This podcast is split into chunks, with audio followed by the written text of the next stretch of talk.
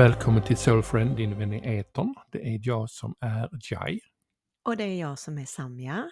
Vad härligt, då var vi här igen. Ja, det var vi. Tittar ut på ett vitt... Ja men du, kolla så vackert. Vi Mm. kan ju berätta att vi sitter vid ett stort panoramafönster och ser, eh, inte hela vår trädgård, men stora delar av den. Och den är väldigt vit. Den är jättevit och vacker och snön dalar sådär lugnt och fint. Nice. Mm. Det är inte så, det är inte så ofta så här tidigt i, på året som vi får snö här i Skåne. Nej, men, Men- nu har vi. Nu har vi det. Mm. Så ehm, lite mysigt sitta här inne i studion och, och podda. Ja, det är det. Mm. Och samtidigt titta ut, man blir så lugn. Ja, vad bra. Ja. Men du, vi ska prata om någonting idag som inte alltid är så lugnt. Nej, det har du rätt i. Det är ju det här med svåra samtal. Att- Konsten att ha ett svårt samtal. Vad Ja. innebär, vad innebär det? Vad är det vi pratar om egentligen? Alltså det är ju ett rätt så brett område ändå. Mm.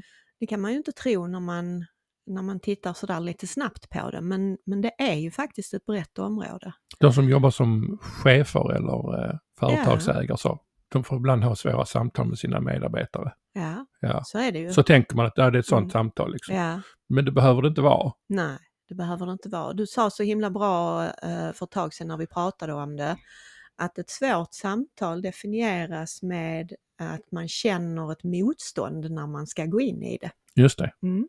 Så det kan egentligen handla om precis vad som helst. Ja, absolut. Det kan vara eh, ett, ett kort samtal och att det kan vara ett långt samtal. Så, ja, så, så jag tänker, tänker så här att eh, kort, vad skrattar du för? Ja, men det, Ja. var, det lät lite roligt, men, Jaha. men jag hade liksom en annan tanke. om Ja men berätta Men, då. nej, men jag tänker...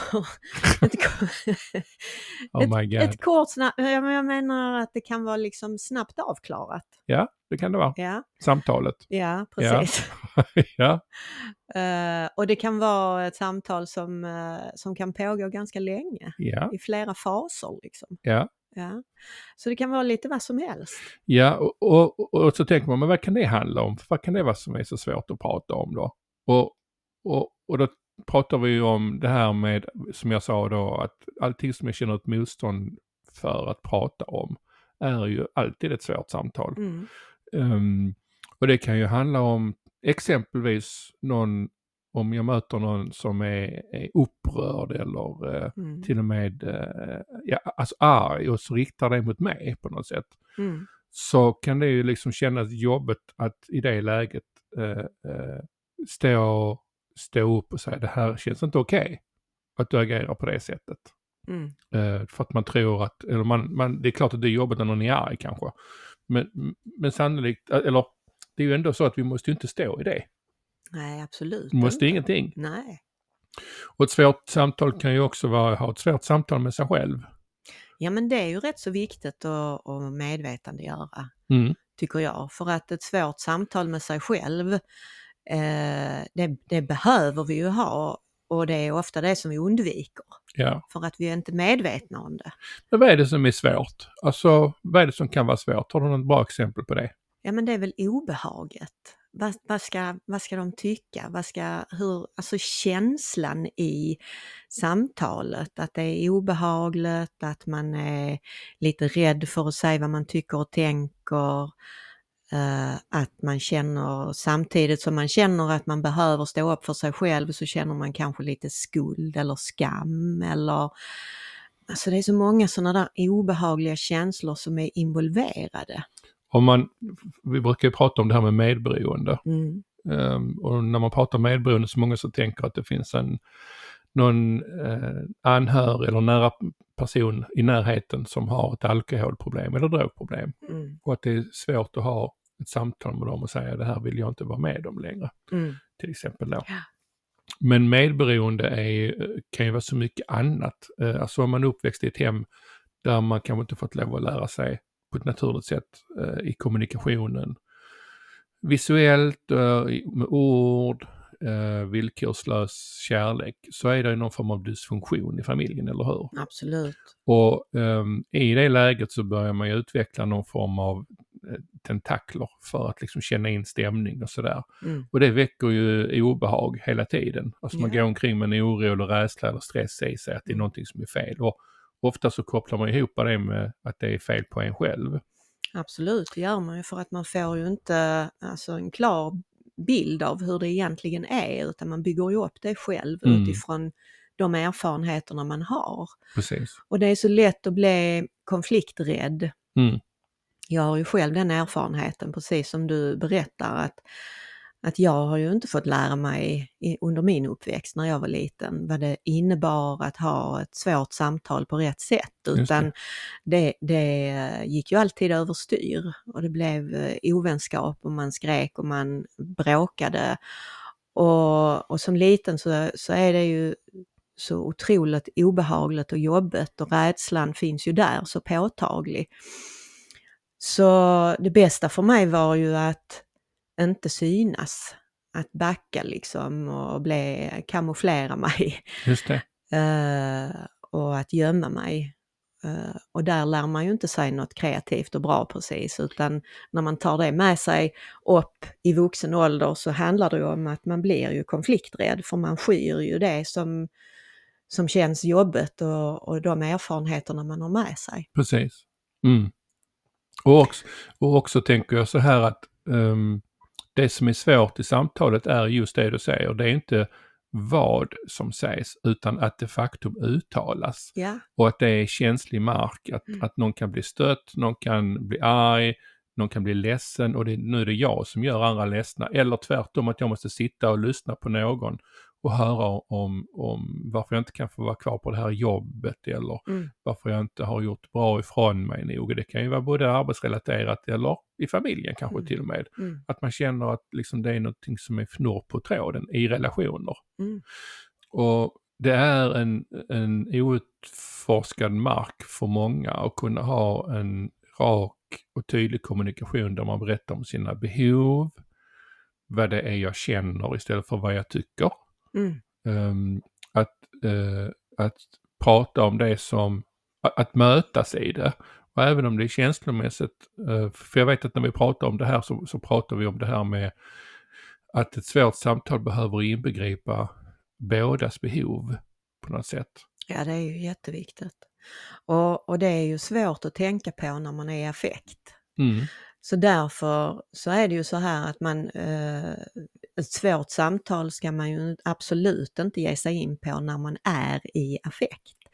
Så att komma ihåg att få lov att backa och, och känna att det är helt rätt och bara säga att det här måste jag få lov att tänka på. Eller låt mig få en paus eller vad som helst. Om man är liksom i, i, i en, någon form av eh, ovänskap eller samtal som, som är på väg att gå överstyr så är det viktigt att ha den närvaron och kunna säga det om man vill lösa det på ett bra sätt. Ja, för jag tänker, ja, men jag tänker lite grann att man undviker de här samtalen därför att man är i affekt. Mm. Eh, Man, det finns en outtalad kommunikation så man går lite grann som katten runt het gröt som det heter. Mm. Ehm, och säger inte det som behöver sägas och berättar inte det som behöver berättas för, för att man har den här känslan av risk för förlust eller ehm, konflikt eller vad det nu än kan vara för någonting. Mm. Och i en sån situation så känner jag att den, alltså det viktigaste då är att ha den närvaron att jag kan säga att jag behöver space eller jag behöver backa ifrån detta nu, ge mig lite paus. Mm. Låt mig få komma tillbaka eller vi kan väl mötas när vi har fått lov att låta detta sjunka in. Just det. Eller vad som helst. Den närvaron där och då är viktig att ha. Ja. Och, och jag tänker också på att för att kunna ha den närvaron Mm. så behöver det ett antal andra ingredienser fin- ligga på plats. Ja, absolut. Till exempel mina värdegrunder. Mm. För det är ju ofta de jag kanske inte har tittat på. Och mina värdegrunder handlar ju om sånt som är väldigt, väldigt viktigt för mig. Som kan vara, eh, kan det vara rättvisa Mm. till exempel? Ja, absolut. Visst. Eh, Det kan vara eh, att det ska finnas en omtanke eller en, ehm, eh, gud, stod det helt stilla. Ja, men att bli sedd. Att få lov att bli sedd och att se ur, utifrån ett autentiskt perspektiv. Mm. Att vara autentisk till Ja, exempel. ja. Ja, exakt. Det är en Ja. värdegrund. Ja, det är en värdegrund. Att vara autentisk, Mm. att vara omfamnande, att vara rak, Ja, eh, att vara lojal eller vad nu, alltså det kan vara många, många olika saker. Och de värdegrunderna behöver man få lov att liksom utforska i sig själv. Mm. Vad, är det, vad är det som är viktigt för mig? Hur, hur vill jag vara? Vem vill jag vara? Och vilka värdegrunder är det mitt liv ska få lov att vila på Just till det. exempel? Ja. Och utan det eh, blir det jättesvårt att ha ett svårt samtal på rätt sätt. Det blir det. Så A och O är ju egentligen att medvetandegöra vem är jag och, och min personliga andliga utveckling är jätteviktig i det här. Den är superviktig. Ja, svåra samtal och ge sig in i det på ett sätt som är balanserat och, och öppet och medvetet måste föregås av eh, att vi medvetandegör vem vi är. Exakt. Och i det när jag har mina värdegrunder, när de kommer liksom på plats, Mm. så eh, är det ju också lättare att få sin integritet på plats. Mm. Att liksom ha en förmåga att sätta sunda gränser. Mm. Både för mig själv och för andra om man uttrycker sig. Vi tänker ofta på att sätta gränser så handlar det om andra men det handlar ofta om oss själva faktiskt. Ja. Vill jag detta? Är detta liksom, känns detta viktigt för mig? Känns det sant för mig? Att veta när jag vill säga ja och veta när jag vill säga nej. Mm. Och det kan, ju inte, det kan jag ju inte veta om jag inte liksom vet vad som är viktigt för mig. I, i, Nej. i mina värdegrunder. Nej, så är det ju. Värdegrunder och integritet är två ingredienser som behöver finnas lite på plats för att jag ska kunna ha de här lite svårare samtalen. Mm. Också med mig själv, för det jag kommer tillbaka till det att till exempel vad är det jag lägger min tid på? Vad är det jag lägger mina pengar på?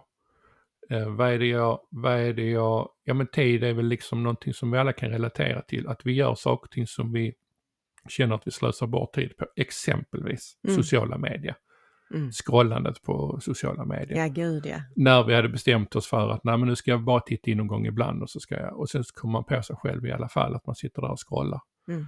Och eh, då lägger jag ju tid på sånt som egentligen inte är så viktigt för mig. När jag Ja. kunde ha gjort den för att vila, läsa en bok eller vara, vara med någon eller göra det där projektet som jag tyckte som jag brann för eller som jag gärna vill göra liksom. Mm. Var min passion ligger, att hitta den och så. Så att alla de här sakerna hänger liksom ihop. Och då kan jag behöva ha det här svåra samtalet med mig själv Mm. igen Mm. och säga men snälla Jai, du lovade ju att du inte skulle göra så här. Du lovade att du skulle göra så här istället. Vad är det nu som har hänt? Mm. Och kunna ha det och rannsaka sig själv. Mm. Rannsaka är ett bra ord, att man Ja, rannsakar det. sig själv. Ja.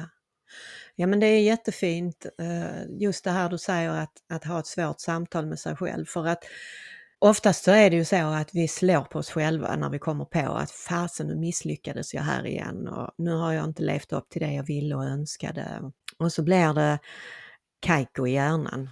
Mm. Och, att då istället låta det här svåra samtalet få lov att vara lite balanserat med kärlek och samtidigt bestämdhet. Eh, Det är, ju, det är ju A och O för att jag ska kunna må bra och för att jag ska kunna ha ett svårt samtal med någon annan. För kan jag inte ha ett svårt samtal med mig själv, hur skulle jag då kunna ha det med någon annan? Nej, Och det handlar ju också om det här med att släppa dömanden och, och att låta egot får lov att styra och ta över i de här samtalen. För det är ofta det vi gör. Vi, blir, vi går in med hull och hår och så blir vi sårade, vi blir ledsna, vi blir arga och, och så. Och, och jag menar inte att det är fel, för blir vi det så blir vi det och då behöver vi ju låta det få lov att finnas. var tillåtande, Ja, klart. för att vi gör ju egentligen alltid vårt bästa efter bästa förmåga. Mm. Oavsett vad resultatet blir, så gör vi vårt bästa. Jag, jag tänker på några sådana här tips och idéer för jag vet att, att vi, när vi pratar om det här så, så, så vet jag att det finns liksom lite tankar, tips, idéer man kan, man kan liksom eh, fundera över själv. Så det ena är, finns det någon, några svåra samtal som du måste ta tag i eller som du undviker? Mm. Att man sätter sig ner och liksom reflekterar över det. Och sen så vad står i vägen för att du ska ta tag i det? Att man reflekterar över det, Mm. se vad som dyker upp där. Och sen så också att man tittar bakåt, vad är, vad är det man har provat i de här lägena tidigare i det förflutna som inte har fungerat eller som har fungerat. Så att man kan liksom se, när jag gjorde så här så, fun- så fungerade. När jag var liksom sann och autentisk eller när jag var lugn eller vad det nu var. Eller när det inte fungerade så att säga. Mm. Så att, att, använda, att, att använda de här tipsen, de här frågorna för att sätta sig och reflektera över som ett sätt att börja bena ut. För jag tror att alla har ett behov av att ha någon form av samtal med sig själv eller med någon annan som man upplever som svårt. Mm. Och där tror jag att reflektera tillbaka och se vad det var som inte funkade eller vad som faktiskt funkade Mm. är, eh, är viktigt att göra. Ja. Men, men du, brukar, du brukar säga så här att svåra samtal är en gåva. Va, vad menar du med det? Ja, men, men det är ju faktiskt så att vi lär oss otroligt mycket i de svåra samtalen. Kan vi ha ett svårt samtal på ett medvetet plan, där jag är medveten om eh, vad det är som sker, så lär jag mig jättemycket, både av motparten och av mig själv. Att våga gå utanför min trygghetszon, att vara modig, Eh, För det krävs ju verkligen, att ha svåra samtal krävs det att man är modig. Att, eh, att våga agera och att agera på det sättet som gör att man utvecklas Mm, i det här svåra samtalet. Så det är absolut en gåva, mm, verkligen, eh, att medvetandegöra för, för bådas parter, för bådas skull. just det. Mm. Jag, jag tänker på, jag har ett exempel själv, jag sitter och tänker lite grann på. För mig är det viktigt att vara i alla relationer som jag har, att försöka vara så sann och autentisk jag kan. Att vara ja, men omfamnande, mänsklig och man, om man är tillsammans Mm. så ska man se, se varandra och bekräfta varandra.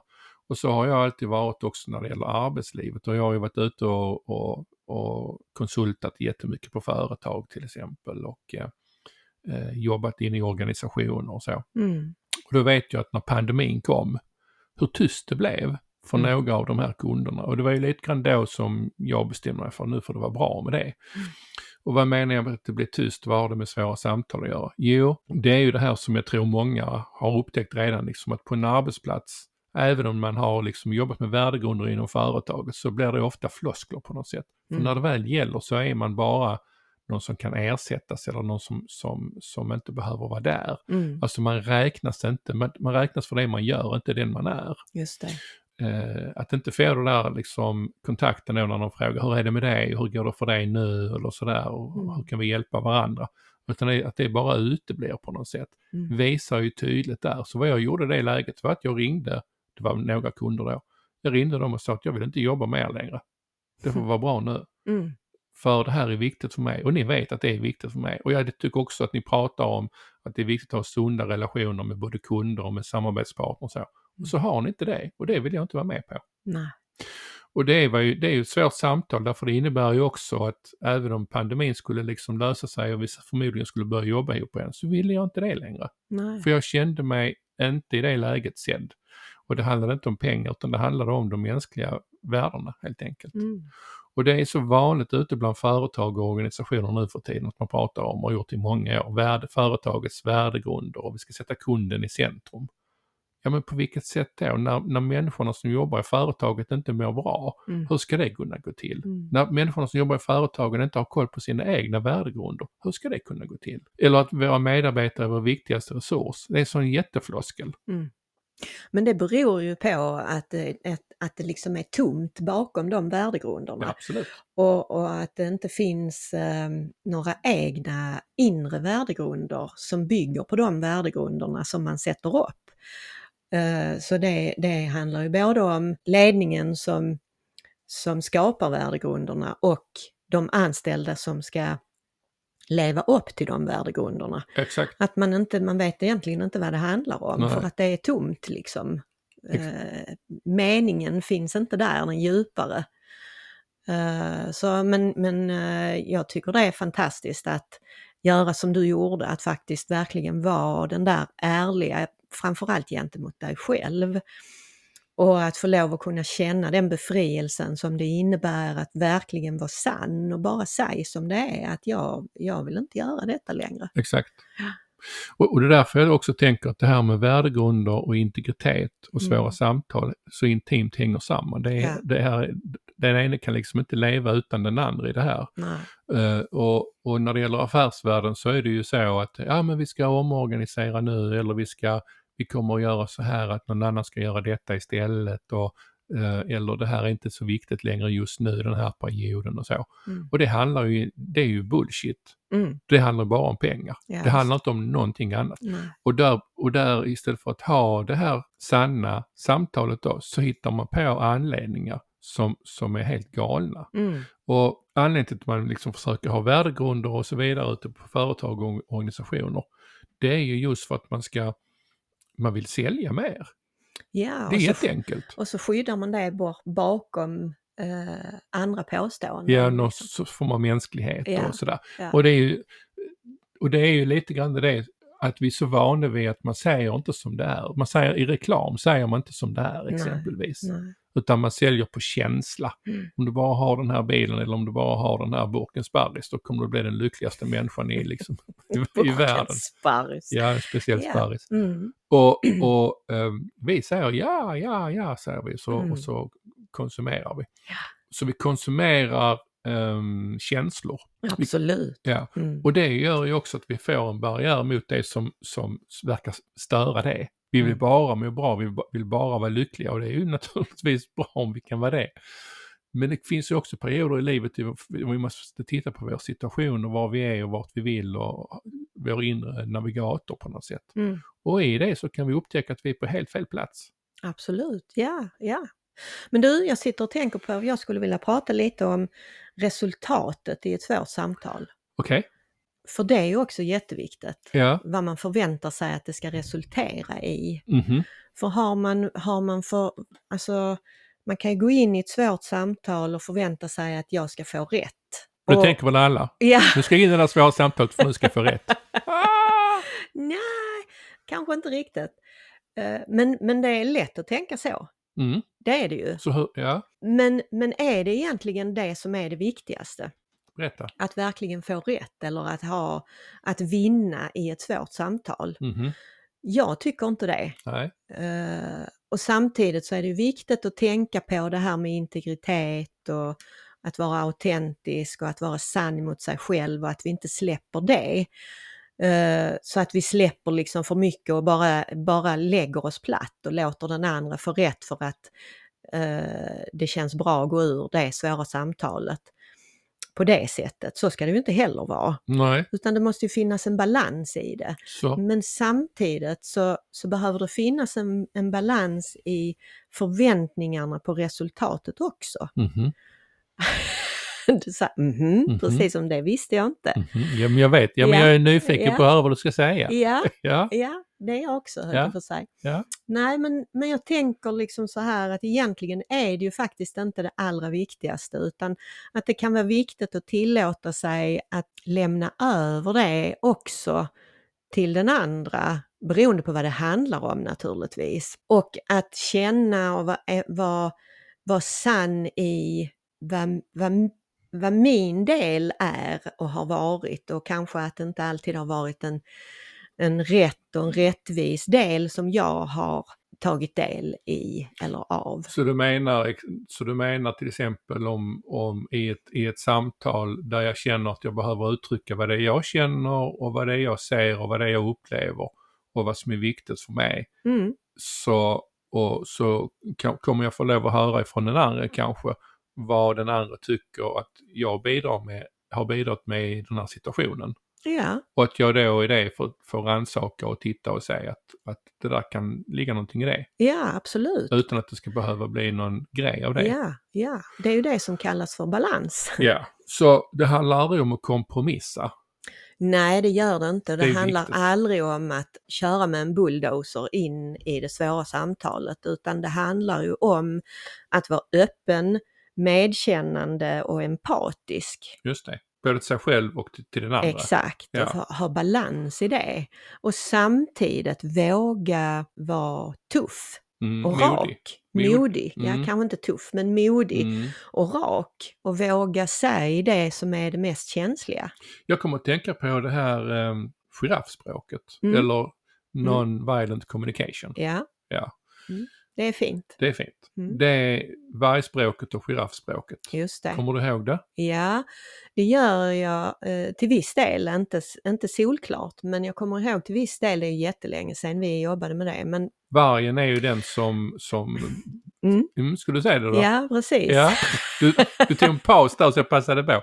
Men jag kan vara tyst, jag behöver inte prata i den här podden. Varsågod och prata. Ah, Du är så snabb. Ja. Ja, jo, just det här med att vargen, vargen är ju den som tar för sig Mm, och som skriker högst liksom Mm. och som eh, attackerar. Och giraffen är den som står lite tillbaka. Och det som är så spännande och intressant med giraffen, det är ju att giraffen måste ha ett jättestort hjärta för att blodet ska kunna pumpa upp genom den långa halsen upp till hjärnan. mm, Och det, så det är ju symboliskt jättevackert med det stora hjärtat. Men också att man måste kanske tänka efter lite. Att ta ett steg tillbaka och att vara lite av det, eh, någon form av, någon form av lugn. Och också har ju giraffen en överblick. För Mm. att de är så långt, långt upp i det blå. My god. Vill du vara den som är Ja. långt upp i det blå eller vill du vara den som hugger? Du får välja själv. Ja, så giraffen är Ja. den som har det stora hjärtat, Mm. lång hals och överblick och Ja. liksom kan överblicka situationen. Just och det. vargen är den som liksom hugger först och, och, Ja. och sådär. Men giraffen är också den som kan, om det väl gäller, liksom sätta ner fötterna ordentligt, eller hur? Absolut. Ja. Ja. Så, Giraffen är inte skygg. nej. eh, eller rädd. Utan den kan verkligen ge ifrån. Så ett icke-våldsamt språk, alltså Mm. ett, ic- ett icke-aggressivt språk, Ja. där jag kan uttrycka det jag känner, det jag ser och det jag upplever Mm. när jag hör den andra eller när den andra gör på ett visst sätt eller vad det nu kan vara. Mm. Där jag, eh, där jag på ett bra sätt kan beskriva det gör ju också att det blir lättare för den andra att öppna upp sig, eller hur? ja, för det blir ju inga anklagelser. Man anklagar inte Eh, den andra utan man, man låter istället den andra få lov att få, få en, en möjlighet att förklara sig och att jag får en, tillåter mig själv att få en möjlighet att beskriva hur jag själv känner det utan att anklaga. Eh, och man kan också göra så att man kan fråga, ställa frågor till den andra eh, som innebär att till exempel att jag kan fråga vad behöver du av mig just nu? Eller jag, skulle jag kunna säga eller göra på ett annorlunda sätt så att du kan så att du inte behöver känna dig påhoppad eller så att du inte behöver känna att, att det blir så jobbigt just nu. Till exempel. Till exempel. Men jag vill också prata om vargen, för jag tänker Mm. att vargen är ofta den som ses som den dumma i det här sammanhanget, den som är, Mm, är liksom kall eller hoppar på eller så. Mm, Det finns ju, det är ju ett beteende som bygger på egentligen samma sak som någon annan känner. Rädsla, litenhet, mm, ehm, att eh, man måste försvara sig. mm. Ehm, så i grund och botten så finns det en väldigt stor osäkerhet, eller hur? Ja, verkligen. Det är, ju, det är ju egentligen osäkerheten som gör eh, agerandet. Så egentligen är det ju så i ett möte, i ett svårt samtal så är ju bägge två osäkra. Ja, Oavsett hur beteendena verkar vara utåt. ja, Och kan man ta det med sig in i det svåra samtalet, ett litet steg i taget, så, så tror jag också man kan lättare mötas i det. Även om det är känslor med. Det är, det, det är sällan utan känslor, men ändå att få lov att tillåta det också. När jag säger känslor så kan det ju vara ledsamhet till exempel, eller, eh, mm, eller sorg eller så. mm, Eh, att, att en gång för alla berätta vad man känner och tycker inför en, en, eh, en förälder, eh, ett syskon mm, eh, eller någon annan. Mm. eh, Där man har liksom stått tillbaka, man har gömt sig, man har fått liksom tassa på tå eller där man har fått höra både det ena och det andra. Att en gång för alla få lov att öppna den dörren och säga det här är inte okej längre. just det. Eh, som jag vet vi båda två har gjort Mm, eh, i våra liv ja, för att, för att ver- värna om oss själva. Ja, absolut. Um, och när vi utvecklas på det personliga planet och det spirituella andliga planet så kommer ju omgivningen eh, ja, att reagera på ett eller annat sätt. Därför att nu blir vi ju annorlunda. Nu börjar vi känna in mer vad som är viktigt för oss och så. Och då, pass, då, då stör det omgivningen. Mm. Och då kommer de kanske börja reagera, tycka att vi blivit konstiga eller att eh, vi får höra vem tror du att du är eller vad, vad som helst. Och i det läget så det kan vara jobbigt att höra och jobbigt att känna också. Och samtidigt så vet vi att antingen så går vi tillbaka till det gamla igen Mm. och dör långsamt. Eller så bryter vi oss loss Mm. eh, ifrån det och försöker få med oss de andra. Men vi kan inte veta vad de andra vill. Vi kan inte bestämma vad andra ska känna tycka. Nej, och vi kan aldrig ta ett större ansvar för någon annan än vad vi gör för oss själva. Exakt. Det måste vi veta, att vi måste rikta det största ansvaret gentemot oss själva och göra och vara det som krävs för att jag ska kunna hitta eh, min behagliga, tillfredsställande och kärleksfulla plats i livet. Mm, precis. Ja, Ja, jag håller med. ja, Eh, jag tänker på om man drar ihop det lite, det här Mm. med konsten att ha svåra samtal. mm, Vi pratat om integritet, vi pratat om värdegrunder. mm. Jag skulle bara vilja, in... får jag lov att avbryta dig? Jaha, du ska inte innan- jag avbryta mig. Nu får vi ha ett svårt samtal. Ja, det får vi ha. Nej. Eh, det kan vara nästa podd kanske. Ditt Kan- och mitt svåra samtal. Oh my god, helt utlämnande. Ja, Eh, nej, men eh, du säger när vi drar, att vi ska dra ihop det, men innan vi gör det så tänker jag att jag skulle vilja ha med en annan aspekt av ett svårt samtal som också är jätteviktigt. Och det är de här svåra samtalen med någon som kanske har förlorat en nära och kär eller mm, någon som är eh, sjuk eller på det sättet. Mm, att det blir ett svårt samtal. Inte att man är i ovänskap eller att det är någon aggression eller att det är någon konflikt som måste lösas, utan att våga gå in i ett samtal med någon som är i sorg. mm, gud vad viktigt. Mm. Det känner jag också, för det ingår ju i svåra samtal, Mm, tycker jag. Och att det är så många som drar sig för att göra det för att man tycker att det är det. Att det blir liksom för tungt att gå in i ett sådant samtal. Men det är viktigt att poängtera att tillåta sig att faktiskt göra det i alla fall. Och det är också mod att gå över den jobbiga känslan eller rädslan och att göra det i alla fall. För att eh, man behöver finnas till och finnas där för de människorna kanske. Ja, precis. Och, och där jag tror, det, jag tycker det här är jätteviktigt det du säger. Och Mm. det jag tänker också det är att, men herregud, hur gör, hur gör man det? Och då kanske det är så att, att det viktigaste är att bara vara där. Mm. Ja, Att, Att man inte behöver prata så mycket utan att bara få lov att finnas där och visa att jag är här som ett stöd. Och då är det kanske bättre att låta den andra få prata. mm, Eller bara finnas i, i tystnad. exakt, jag skulle säga Att det. göra det så enkelt som möjligt men det är ändå ett svårt samtal. Ja, och, exakt. Och ett svårt möte kanske man kan tycka. Ja.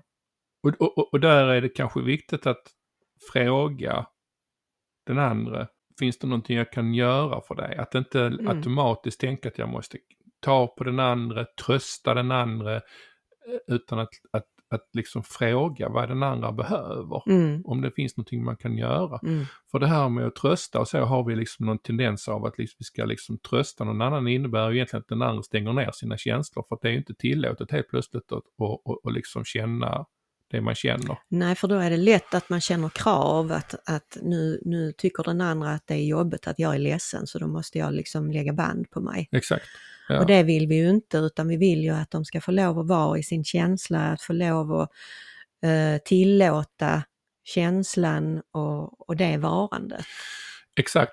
Mm. och jag, jag vet ju, du har träffat klienter och jag har träffat klienter som eh, och en del av dem kommer och har den sorgen i sig efter Ja. att ha förlorat någon som har stått dem väldigt, väldigt nära. Mm, Och de har ofta fått höra att, att eh, det är dags för dem att släppa den sorgen nu. Det är Mm. någon annan som har sagt till dem, det är dags för dig nu att släppa det liksom. Mm. Och jag tycker det är ett konstigt påstående, därför, eller det är det egentligen inte för det kommer ur, ur ett påstående av att den andra känner sig obekväm Ja. som säger det. Ja. För i grund och botten så släpper sorgen när vi är redo för att släppa den. Mm. Även om vi behöver, för den har olika faser vi behöver gå igenom. Och den har också på, eh, eh, någonstans i slutet så kommer vi fram till att, att, att vi inte själv behöver bära den längre, att vi kan liksom, vi behöver gå vidare på något sätt. Ja, och då gör vi precis. det. Ja, och att få lov att ha ett stöd då eh, vid sin sida på vägen i den sorgen som inte är krävande eller tycker att nu borde det vara si eller så, är ju enormt viktigt. Mm. Och det kan vara svårt att vara det stödet om man inte är i sin egen närvaro. Där, den tänk, tänker jag, kanske vi kanske ska prata lite om, om jag inte är närvarande i mig själv, Ja, utan när jag är i, min, i det jobbiga, det rädslor eller hur ska detta Mm. gå, jag är i framtiden om hur det här samtalet ska gå, Mm. så kommer jag inte ha tillgång till min integritet, inte mina värdegrunder. Och jag kommer inte kunna ha det här svåra samtalet på ett sätt som är fungerande. nej. Så närvaro och framförallt trygghet är ju två ingredienser för att kunna ha ett framgångsrikt svårt samtal, Ja, eller hur? att känna sig, eller känna sig att man har en trygghet i sig eller att man Ja. upplever någon form av trygghet i miljön Ja, precis. där man befinner sig. Ja. Att det inte är en aggressiv miljö Ja. eller vad det nu kan vara. Ja. Just det. Wow, så mycket, så mycket det, det dyker fram i det här samtalet om svåra samtal. Ja, Det, det är som jag sa, vi började med att det är ett stort område. Mm. Eh, och det, det blir större och större efterhand som vi pratar om det och jag tycker det är fantastiskt och fint att, att medvetandegöra det, hur viktigt det är egentligen. det är superviktigt. Ja, För när vi klarar av efterhand, klarar av de här svåra samtalen både med oss själva och med andra, mm, så kommer vi att växa. Vi kommer att bli tryggare, vi kommer att bli stadigare och vi Mm. kommer också att känna att eh, det var värt. exakt. Mm. Ja, precis. Okej, hjärtat. Mm. Tack för det här fina samtalet. Ja, tack själv. Det Tack. var fint. Och tack till dig som är lyssnare som, eh, som är med oss och lyssnar på oss. Mm. Vi kommer tillbaka igen här om någon vecka eller så igen. Ja, det gör vi. Allt gott! Tack och hej. Hej då! Hej.